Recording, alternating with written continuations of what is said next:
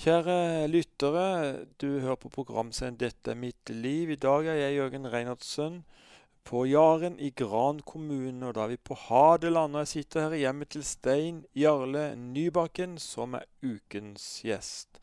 Hjertelig takk skal du ha for at du åpna hjemmet for meg, og du er velkommen som gjest i programserien 'Dette er mitt liv'. Takk og takk. Eh, hvordan var barndommen din?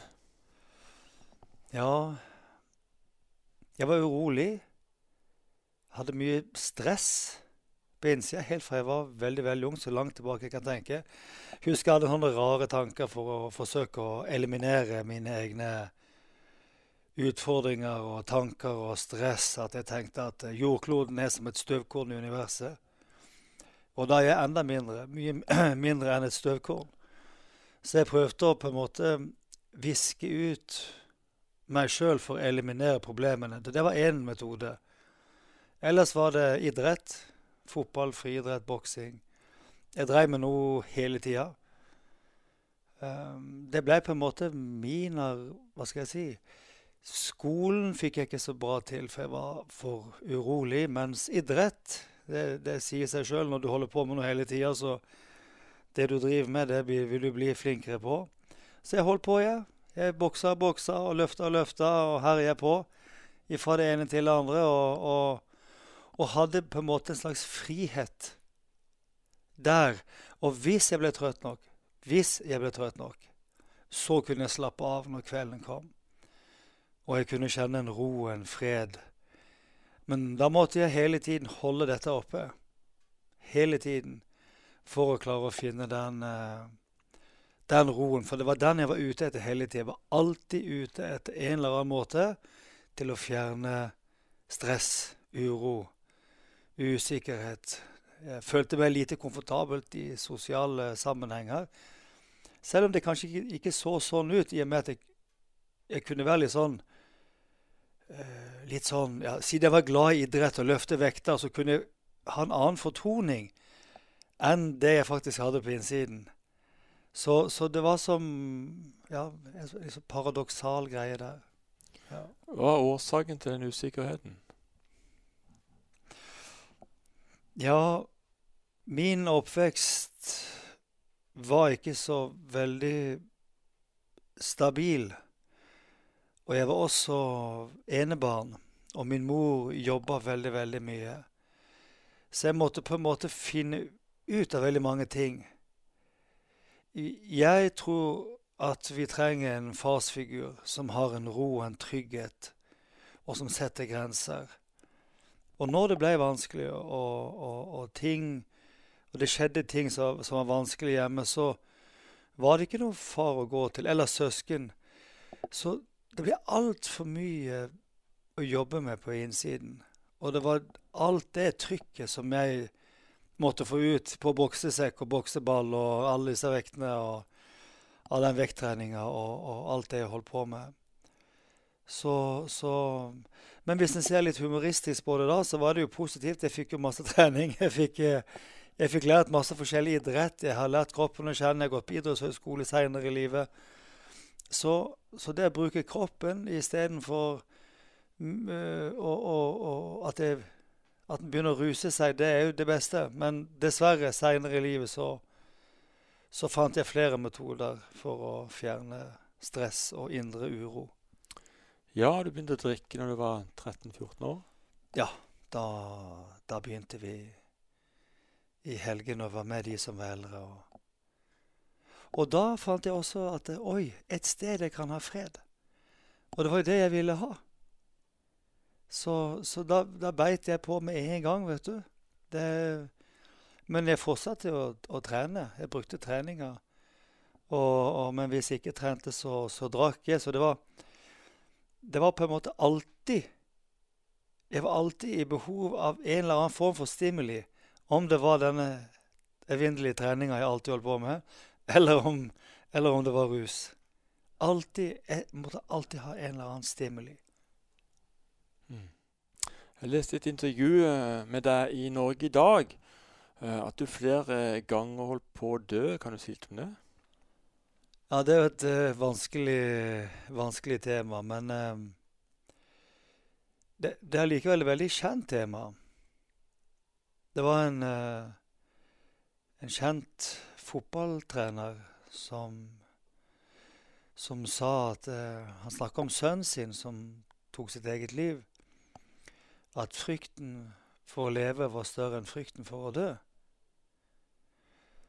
Um, hvis du lever i frykt eh, eller stress eller indre uro det, det, det, er sikkert mange forskjellige ord du kan bruke på det. Men hvis du aldri har det godt, og du, du nyter ikke maten, du nyter ikke det sosiale, du nyter ikke reiser, du nyter Du klarer ikke å, å nyte noe. Da Da skjer det noe med deg. Du kom en, en, en desperasjon. Og dette her liker jeg ikke å prate om. Jeg vil ikke bruke mye tid på det heller. Men, eh, men jeg har, jeg har gjentatte ganger holdt på med selvskading og sydd eh, veldig, veldig mange sting av det. Og, og, og, andre situasjoner som en har holdt på å dø av, med, med litt andre årsakssammenhenger, men, men, likevel noe av det destruktive, det samme destruktive som lå i det å drive selvskading. Så, så, de sa til meg på legevakta de kunne ikke fatte og begripe at jeg kunne overleve. Så, så, jeg er jo glad for det i dag, da. Det var mye Det så makabert, det så trist ut. Det så ikke noe, noe morsomt ut. Um, men uh, når du har vært der, så skjer det noe med deg som, som kan snu på ting. Sånn at hvis jeg nå har en vanlig dag, en helt vanlig dag, ikke en fantastisk dag, ikke en superdag, ikke en, en mega et eller annet, bare en helt vanlig dag, hvilepuls, trygghet, fred Kanskje jeg til og med kan eh, oppmuntre noen mennesker, eller ja, ja bare være litt solskinn. Så, så en vanlig dag det, For meg er det en fantastisk dag. Det er en fantastisk dag. En helt vanlig dag. En fantastisk fin dag. Så jeg, jeg må ikke, jeg må, det må ikke være noe Og det er på en måte Noen vil si det er tragisk, men jeg syns det er fantastisk. For det, det, helt vanlige blir til noe nydelig. I dag er det blå himmel, sola skinner. Jeg kan, jeg kan ta inn sånne ting og virkelig dra og drikke eller spise eller hva du vil, og nyte av sånne helt helt enkle ting. For det, det fantes jeg ikke i stand til, sånn som jeg hadde det på innsiden før. Så, så heldigvis kan ting bli snudd. Mm. Kjære lytter, du hører på programserien 'Dette er mitt liv'. I dag er jeg på Jaren på eh, Hadeland, og jeg møter Stein Jarle Nybakken, som er dagens gjest. Og Stein Jarle, du sleit, du hadde det veldig tøft, men det satt ei bestemor og ba for deg. Ja, hun, hun var bare fantastisk. I min oppvekst så bodde jeg tidvis hos bestemor og bestefar. Og de var fantastiske begge to, men det var bestemor som, som var der mest. Og jeg hørte ikke så mye på henne den gangen når hun snakka om trua si og, og alt det, men men øh, når jeg dro til Oslo og levde det livet jeg levde der, som jeg var inne på i stad, med, med, stadig mer drikking og utskeielser og Etter hvert så ble det både rehabilitering og fengsel og psykiatri og masse, masse tragisk. Men hun, hun satt og ba hver dag, hun, vet du. 50 mil unna ca. Så satt bestemor og ba til Gud. Og hun, eh, hun, var nok kanskje ikke den mest eh, karismatiske med armer og bein, men hun satt rolig og ba. Og hun, eh, hun ga seg ikke før hun fikk svar.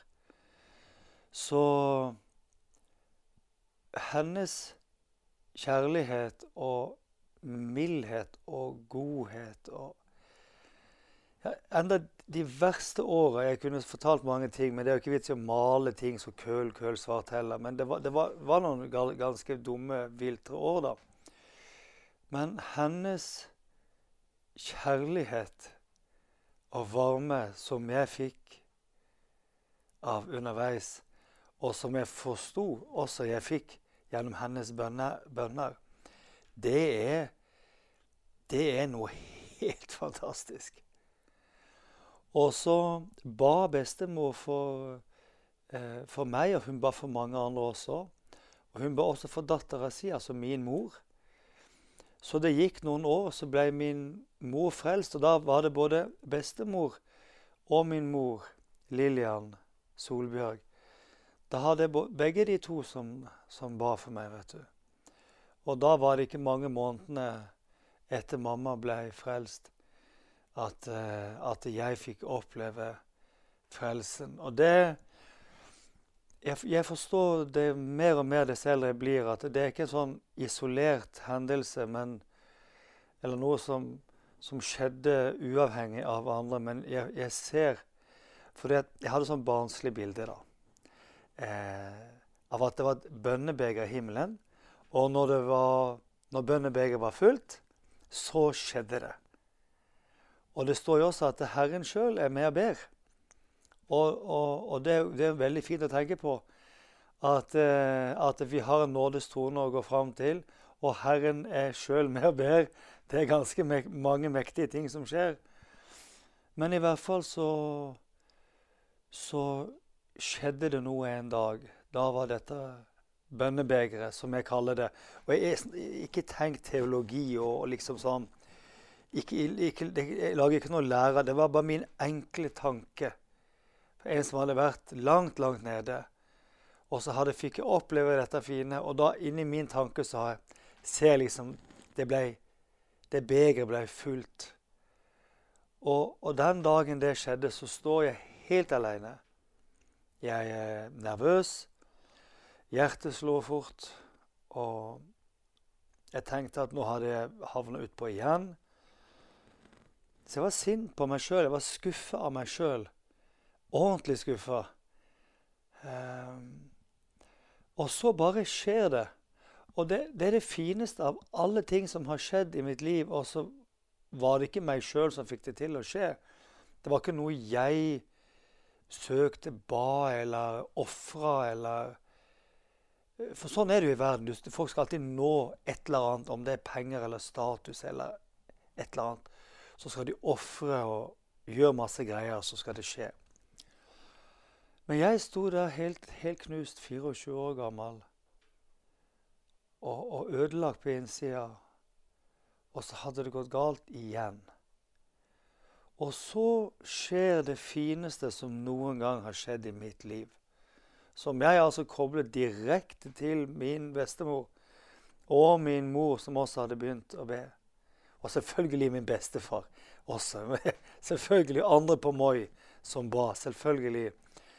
Men, men, men, det var noe spesielt der, da, som sagt.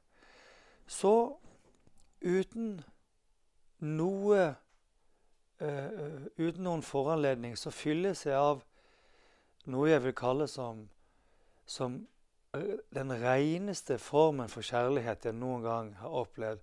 Ikke sånn som de kaller for kjærlighet, men en ekte kjærlighet. Ren kjærlighet.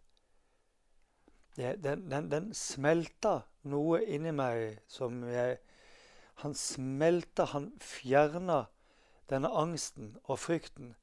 Så, så, angsten og frykten og det, dette håpløse For det hadde vært nesten som et sånn ordtak eller mantra, eller kan kalle det hva han vil, inni meg at det var håpløst. Det tenkte jeg, det trodde jeg.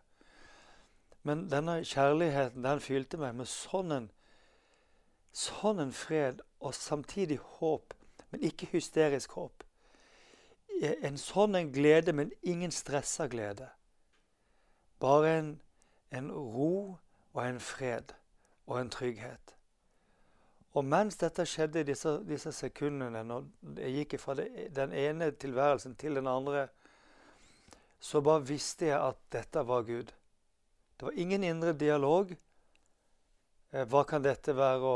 Jeg, jeg, gikk fra å ikke tro til å ha full visshet. Og, og når det skjedde, så visste jeg at dette, dette er Gud som jeg ikke har trodd på.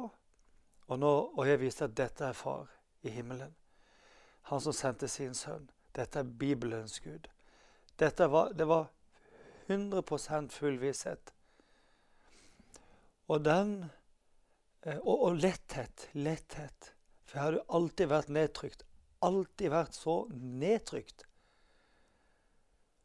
Og nå, på disse sekundene, så kjente jeg meg så lett som jeg aldri før hadde kjent meg. Men igjen, det var ingen sånn stressa eufori. Ikke noe hysterisk. Bare at jeg visste at nå vil ting ordne seg. Ting vil gå bra. Jeg visste at nå vil ting bli annerledes. Og det blei det. Og livet etter den hendelsen Ikke hadde jeg lyst til å drikke. Språket mitt ble annerledes. Altså, jeg hadde et, sty et stygt ordforråd.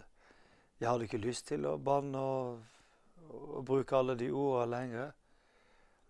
Og så ble jeg så merkelig glad i naturen. Jeg, jeg ble glad i, i, i, fargene på himmelen. Jeg ble glad i trær og blomster. Og jeg hadde aldri sett sånne ting før. Jeg hadde aldri brydd meg om blomster og natur og, og lukter. Etter dette skjedde den første våren. Da, da måtte jeg filme med sånn svært gammeldags kamera. måtte filme da det kom opp én bitte liten blomst. Det glemmer jeg aldri. Jeg så isen hadde, Sola hadde smelta isen, og så kom det opp én blomst alene i skyggen av en svær buske. Og det var som om den blomsten sa at her, her er jeg. Den bare tok sin, sin plass. Det blir kanskje, Jeg vet nesten ikke hvilket ord jeg skal bruke, men det, det, talte til meg, den blomsten som kom opp alene. For jeg hadde følt meg så alene. Og jeg så at sånn som vårsola hadde smelta isen, sånn ble isen smelta i hjertet mitt. Så jeg kunne altså Jeg hadde aldri tenkt i sånne baner før. Jeg syntes det var så nydelig, så jeg måtte, jeg måtte bare filme dette her, som ikke betyr noen ting for noen andre enn blomst. Det er liksom en vanlig blomst. Men, men, men jeg så disse bildene, og, og, og, jeg så skjønnheten rundt meg. Datteren min, Hanna, hun, hun erta meg fordi jeg står og ser på alle fargene på himmelen. Og så etterligner hun min østlandsdialekt, og hun, hun snakker, min sørlands, hun snakker østlandsk. Og så sier han 'Å, se de fine fargene på himmelen'. Og så, og så ler han da, for hun syns det er så morsomt at pappaen hennes som er så glad i trener, og har vært litt sterk, da, fysisk sterk, og så er han så glad i, i det skjønne og de, den siden og de aspektene av livet. Mer enn jeg er av de fysiske aspektene av livet. Så jeg ble en mild og rar og annerledes mann rett og slett. Det var vel ikke noe sånn menneskelig sett selvfølgelig selvfølge at uh, det skulle skje? Du var verken begeistra for kristne eller for Gud? Nei. Det, det, har jo sin klare årsakssammenheng med når du, når du har hatt det mye vondt, og du har blitt tatt av det bitre. Og det er både bitterhet og hat sammen med dette triste og motløse inni deg da klarer du ikke helt å se det skjønne. Og du klarer ikke å se at det fins noen Gud. Så det, det, var, det, det, var, vanskelig for meg, altså. Å, å klare å Før den hendelsen og, og, Det var bare fjernt. Jeg klarte ikke å se Gud i livet. Men det er rart at én hendelse som det kan fjerne det bitre, kan fjerne det, smerten og det vonde. For i Bibelen så står det jo om, om eh, bitterhets, bitterhetsrot, altså røtter. Og det var jo sånn det var. Det var jo dype, dype røtter av bitterhet og hat. For det hadde skjedd, og det hadde skjedd, og det hadde skjedd. Så det var sånn inderlig hat på innsida. Og det fikk jo kroppen til å spenne seg. Det var ingenting som klarte å slappe av. Så den eh, hendelsen eh, vaska på en måte vekk de røttene. Eller dro de ut, eller hvordan bildet en vil, vil, bruke. Men, men, men det blei Jeg fikk et nytt hjerte. Og det er veldig rart at det går an å få et nytt indre et nytt hjerte, en ny måte å forstå livet på, en ny måte å tenke på. Og at jeg etterpå ble så glad i å lese Bibelen. Jeg vil ikke engang si til lytterne hva jeg pleide å høre på. hva jeg pleide å se på. Det var, det var mørkt og dystert og trist. Det var heavy, heavy, heavy. Den mørkeste, hardeste musikken. Det var, det var det dystre, det var det svarte, det var det destruktive. Men etterpå så klarte jeg ikke å la være å lese i Bibelen. Ingen sa at nå må du være flink å lese Bibelen, Nybakken. Nybakken. Jeg klarte ikke å la være å lese i Bibelen. Jeg, jeg fryder meg i å lese i Bibelen. Så det ble bibelskole, det ble Jeg studerte teologi på NLA i Bergen. Og, og, og bare kjente jeg jeg ville, jeg ville bare forstå mer av, av, eh, av, Jesus sine ord. Og hva hans venner og hans disipler sier til oss i Bibelen. Og det, den kjærligheten har ikke blitt vekke. Du ser det det er masse farger her. Eh, jeg er litt barnslig, så jeg, jeg streker under. Sånn at biblene mine blir, blir fulle av farger. Og det som lyst og positivt, der, da bruker jeg lyse farger. Og så bruker jeg andre farger. Er det himmel, så bruker jeg blått, osv. Så, videre. så så Kjærligheten til Bibelen den, den har vart nå gjennom alle disse åra. Nydelig. Um, du ble frelst, du fikk et nytt liv. Eh, men måtte du også ta et oppgjør med de gamle tingene? Jeg tenker på den uh, mørke musikken og sånn. Kom det til noe? Ja, ja, ja det, var, det, var en, det, var, en, litt rar ting. Men det var ikke så dramatisk når det skjedde som det kan høres ut, kanskje. Men jeg kasta all gammel litteratur. Fjerna all den gamle musikken. For jeg hadde ikke noe Det var egentlig var det ikke noe offer heller. Det var bare Hva skal jeg med det der? der? Um, en annen ting uh, jeg gjorde Jeg flytta fra Østlandet, som jeg bodde på på den tiden, til Vestlandet, til Bergen. Uh, der jeg også som den studerte. Så jeg, jeg bare distanserte meg fra alt. Jeg dro bort fra alt. Og alle som så på meg som den gamle. Så til et nytt sted der mennesker så på meg som han som går på bibelskole, som studerer teologi, som er kristen, som er predikant, som vil vandre med Jesus. Og da kunne jeg speile meg i de menneskene istedenfor å speile meg i mennesker som, som, hele tiden ville minne meg om det gamle. Og, da, og så var jeg der i åtte år, og da ble det bygd et, eh, et, eh, nytt fundament. Så, så, ja, det var et eh, det ble et egentlig et voldsomt oppgjør med, med, det gamle. Du hører på programserien 'Dette er mitt liv', og det er Stein Jarle Nybakken som er dagens gjest. Stein Jarle, du har fortalt om en dramatisk omvendelse fra mørket. Du ble skikkelig frelst, fikk lagt bak deg det gamle. Men ti år senere så ble du utsatt for en eh, motorsykkelulykke. Hva skjedde? Uh, ja, jeg holdt på å si det var ikke rare motorsykkelen. Det var bare en, en sånn en 125 scooter jeg brukte til og fra universitetet for å komme meg fort fram og kunne kjøre slalåm mellom bilene. Unngå kø.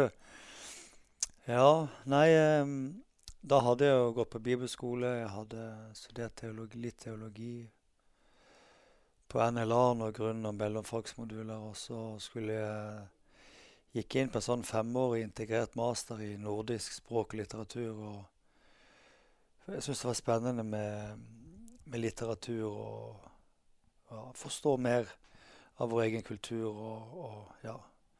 Jeg er jo litt sånn filosofisk anlagt da. Men i hvert fall så På vei hjem, så Der, der kjørte jeg jo daglig. Så kom det en bil ut fra parkeringsplass som sikkert bare har glemt oss å se i speilet på andre siden av veien om det kom noen rundt svingen. For de måtte se i det speilet for å se om det kom noen. Lang historie kort. Eh, de kjører ut og ser ikke at jeg kommer. Og, og jeg får en eh, nakkehodeskade. Det knaka i hodet mitt når jeg skulle snu på hodet. og skaden ble eh, objektivisert, altså de kunne se det på bilder. Og, så alt det der var, var greit nok. Men jeg uh, slapp å krangle på den måten så mye. Men, men jeg gikk inn i en uh, Jeg fikk mye smerter. Jeg mista nattesøvn. Jeg gikk inn i depresjon. Fikk en ordentlig nedtur. Og jeg klarte vel ikke helt å forstå hva som var Da kunne du kjenne på mange vonde følelser.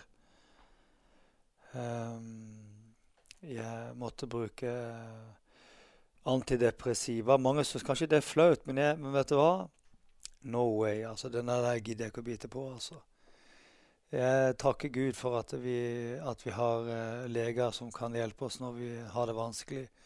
Det er jo rett og slett akkurat som en, en, en rygg eller en arm kan bli ødelagt, så kan du psyken få en smell. Du, du, det blir for mye, så du er nødt til å få roa ned. Um, men det som, var, som, som, ble feilen for meg her, det var det at piller hadde ikke vært mitt problem før. Det var alkohol som hadde vært mitt problem. Så jeg, jeg tok ikke faresignalene med piller. Så jeg, eh, når jeg da fikk, eh, fikk, ro, så kjente jeg at jeg ville ha mer ro. Jeg vil ha mer ro. Eh, for denne ulykka hadde, hadde, virkelig eh, ryst, rysta meg da. Og det var på en måte Fysikk og syke hører jo sammen. Det begynner jo folk å de fleste å eh, synes det er greit å snakke om i dag. Men det var jo ikke det før, vet du. Så, så dette var en eh, det var, ja. Og så gjorde jeg en feil, da. Og det, det dumme var jo det at eh, hvis du bruker piller da, som du får av legen, altså antidepressiva, beroligende og innsovning, som jeg brukte da og så hadde jeg gått på idrettshøyskolen, som jeg nevnte i stad, og sagt at det er ett glass rødvin det er jo bare sunt for hjertet. Skjønner du? ja. Og, og, da syns jeg jeg fikk enda mer ro. For det var alltid dette her, og for den ulykka hadde rysta meg at jeg fikk, jeg fikk, voldsomme nerver. Fryktelige nerver og angst. Når du mister søvn, så, så får du nerver og angst. Fryktelige nerver og angst. Og når jeg sovna, så fikk jeg drømmer, mareritt. Så jeg hadde ikke fred på dagen, ikke fred på natta. Så jeg levde i evig jeg levde i angst hele tida. Jeg kunne fortalt mye om det, men det var, det var verre enn jeg noen gang kan Det er bare Gud som veit åssen den tida der var. Det var vel egentlig verre enn jeg noen gang har opplevd det der. Og, og da kom jeg inn i en slags ond sirkel. Der jeg på en måte unnskyldte meg sjøl, at jeg rettferdiggjorde at jeg, jeg, har jo smerter i hodet og nakken. Og jeg får jo ikke sove, så jeg må jo Og så, og så plutselig så var jeg fanga. Jeg som hadde vært fri i ti år og hatt det så fint. Og her går jeg ned for telling. Og så går jeg tilbake igjen, og jeg drikker igjen. Og jeg får til og med jeg sliter med ting jeg ikke har slitt med før, for jeg hadde jo ikke slitt med piller. Men nå var det piller og alkohol, så det var egentlig verre enn verst, for, for, å si det sånn. Og, og, og, så sier hun eh, legen til meg at, eh, at eh, nå har du et problem, Stein, med, med piller. Om hun, sa ordet pillemisbruk eller og da bare slo det inn i meg. Hun var faktisk en troende lege. Og da, da forsto jeg at denne jula her, for da var det jul, om jeg skal vaske dag og natt altså Vegger og tak er julevask, ikke sant? Eh, samme hva jeg må gjøre, jeg skal bare stå i det. Jeg, jeg skal bare kutte ut alt. Og, og, og ja, jeg vaska. jeg sto på. Men fikk men, men, men, det skjedde noe, skjønner du, fordi at eh, jeg ba til Gud også i dette bombardementet. At gode Gud, nå har jeg havna helt ut, ut i grøfta, og nå må, du, nå må jeg få lov å komme tilbake igjen. Og få tilbake det livet jeg hadde hatt i de ti åra. Så det var både en, en, en hjelp fra den kristne legen, for Gud bruker av og til mennesker. Noen ganger vil bare folk snakke med, med Gud, de vil ikke høre på folk.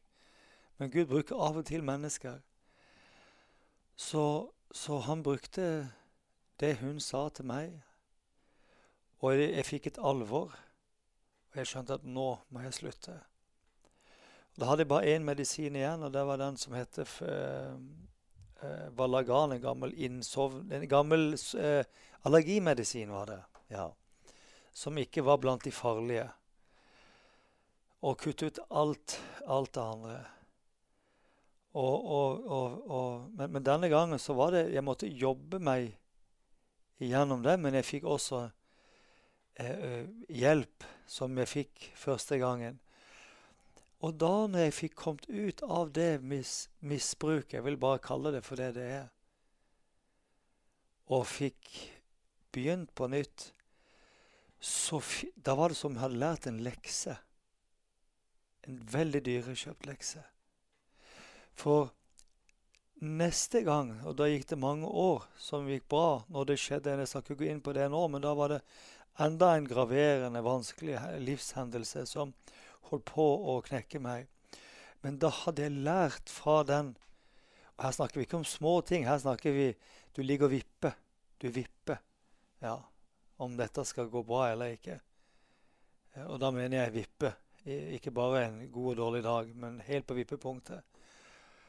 Men da, når jeg kom inn i den, den andre, den siste, eh, da visste jeg at jeg, må ikke, jeg, må, jeg, må holde meg nær til Jesus sånn som jeg gjorde i begynnelsen. Og nær til Jesus, det betyr for meg helt enkelt at jeg må, jeg må, søke Gud.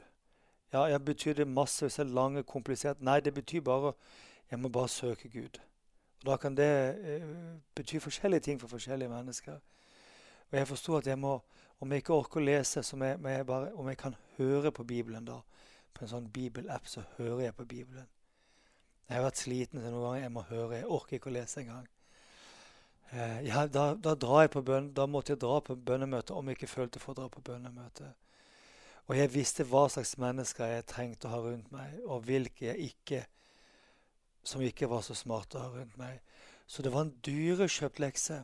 Men den lærte meg nå til neste livskrise hva, hva, jeg må gjøre for at det ikke skal gå galt. Og så har jeg lært at jeg ikke er Supermann. Jeg har lært at jeg ikke er supersterk. Jeg har lært at jeg ikke er rustfritt stål. Jeg, jeg har lært at, jeg, at, vi har en skatt i lærkar. Og, og, et av mine favorittord det er det med skatten i, et lærkar, altså et skrøpelig kar. Og så er det der når Paulus ba om å bli fri denne plagen, og så sier Jesus at 'min nåde er nok for deg', og så sier, Paul, sier han at Jesus sier først at 'min kraft fullendes i skrøpelighet'. Og så sier Paulus 'derfor vil jeg mest av alt rose meg av mine skrøpeligheter', for det er når jeg er svak, det er da jeg er sterk. Så for å konkludere det, så har jeg gang på gang kom til enden av meg sjøl og så har det vært en som heter Gud der. Og så er det Gud som får være Gud, og så får jeg være den, den skrøpelige lærkaret som jeg er. For jeg er ikke noe mer enn det. Jeg er helt avhengig av Hans nåde og kjærlighet hver eneste dag. Jeg må bare holde meg nær til Han, så vil Han holde seg nær til meg. Det er nøkkelen, ja. Stein Jarle, du er også en forkynner, og nå har du noen minutter til å komme med en hilsen til lytteren. Ja. Um, du sa til meg at det er kanskje lyttere som både tror, og lyttere som ikke tror. Og, og jeg har lyst til å snakke til, uh, til, begge to, men kanskje aller mest de som ikke tror at det fins noen Gud.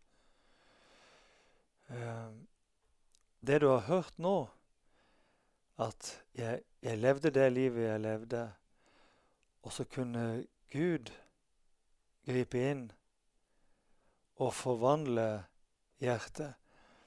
Jeg, jeg har lyst til å si til deg at Gud kan nå deg der du er. Det handler ikke om å komme inn i en religiøs firkant, men jeg har lyst til å si til deg at si til Gud om, om du har vanskelig for å tro. Si til han Gud, jeg, jeg, jeg, klarer ikke å tro. Jeg klarer ikke å skjønne. Det er så mange religioner, det er så mange meninger og menneskesyn og livssyn. Det er en jungel der ute. Og så, så bare, bare si det. Men hvis du fins der, hvis du fins, Gud, Og hvis det er sant at Jesus hang på et kors for meg for å betale for mine synder, hvis det er sant at Gud, at du har skapt meg, og at du har sendt din sønn, han heter Jesus Hvis dette her, her er sant, det kan du si rett til Gud. Hvis dette er sant, så må du, Gud, vise det for meg og åpenbare det for meg. Og da gir du det til Gud. For du trenger ikke å være Gud. Vi, heldigvis vi trenger ikke å være Gud. Vi, vi, vi kan, jeg, jeg, altså jeg vet hvor ufattelig skrøpelig eh, jeg er, og hvor forvirra jeg har vært. Men når Gud kunne komme inn og lyse i mitt liv, så veit jeg han kan nå deg i ditt liv. Han bryr seg om deg. Jeg veit at han er glad i deg. Jeg veit at han ser og forstår alle ting, og så at han kan snu ting som virker håpløst, til noe fint. Gud er helt, helt, helt hinsides all min forstand på det området. Så jeg vil bare oppmuntre deg og si at Gud fins. Han lever. Jesus lever. Og Jesus viste sin kjærlighet først og fremst på korset. Når han døde for deg, og han oppsto for deg. Det er Faderens kjærlighetserklæring nummer én, for så høyt har Gud elsker verden. Og det betyr deg. Han elsker deg. At han ga sin sønn den enbårne for at hver den som tror på ham. Og det kan være deg. Ikke skal gå fortapt, men at du skal få ha evig liv. Det er Guds gave. Og det er min lille oppmuntring til deg i dag. At eh, at du skal få bli kjent med Han som har skapt alle ting. Og som min gamle bestemor sa, han som kan mer enn alt. Han kan, han kan mer enn alt. Og han er med oss gjennom alt. Vil du også be en bønn for lytteren? Ja. Kjære far, jeg, jeg ønsker å be nå for hvert eneste hjerte og de som har tuna inn. Herre, nå ber jeg at du vil virke på hjertene, sånn som du har gjort så titusener, millioner av ganger i så mange hjerter. Jeg ber om at du i dag, akkurat nå, skal virke på hjertene og kalle på hjertene.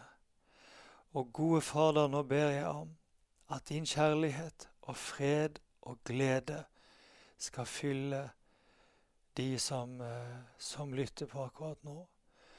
Og Fader, jeg ber om at de, spesielt for de som kjenner seg deprimerte og triste og kjenner på håpløshet og kanskje ikke ser mening med livet, nå ber jeg at du vil nå de der de er, og berøre de der de er, og dra de ut av det vonde og fylle de sånn som du klarte å fylle meg. Når du kunne nå meg, Herre, da kan du nå lytterne. Da kan du nå de som hører på i dag. Herre, jeg ber i Jesu navn. Amen. Amen, amen. Stein Jarl Nybakken, hjertelig takk skal du ha for du takker ja til å være gjest i dette programmet. Må Gud rikelig velsigne deg, din familie og ditt virke i årene fremover. Tusen takk. Kjære lytter. Midt i en urolig og vanskelig tid finnes det faktisk en trygg havn.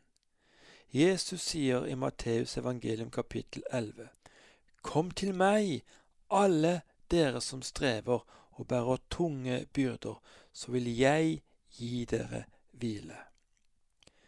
Jesus beviste også at han hadde makt til å stilne både storm og store bølger.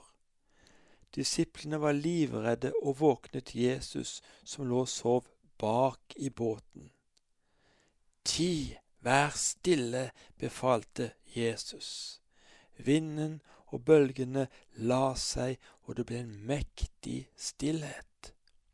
Dette kan du lese om i Markus evangelium kapittel fire.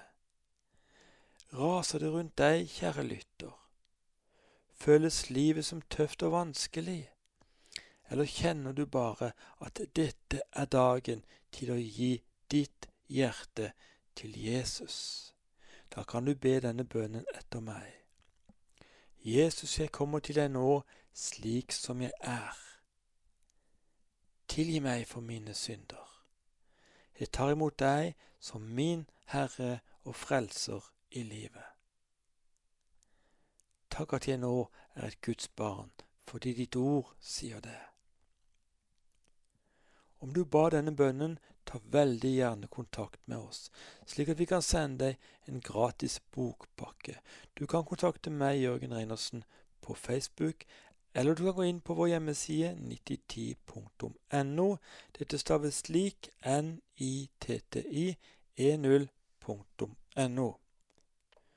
Her finnes også en rekke videoer fra våre arrangementer, samt opptak fra tidligere programmer. Vi ønsker med denne serien å være til trøst og hjelp for mennesker i ulike livssituasjoner. Og ikke minst ønsker vi at de som lytter på disse programmene, skal få et møte med den levende Gud. Om du inviterer noen venner eller bekjente på en kopp kaffe for å lytte på denne programserien i fellesskap, så tror vi det kan bli mange gode og nyttige samtaler i etterkant. Så benytt gjerne anledningen neste gang vi er på lufta. Vi er på denne kanalen samme dag hver eneste uke året igjennom.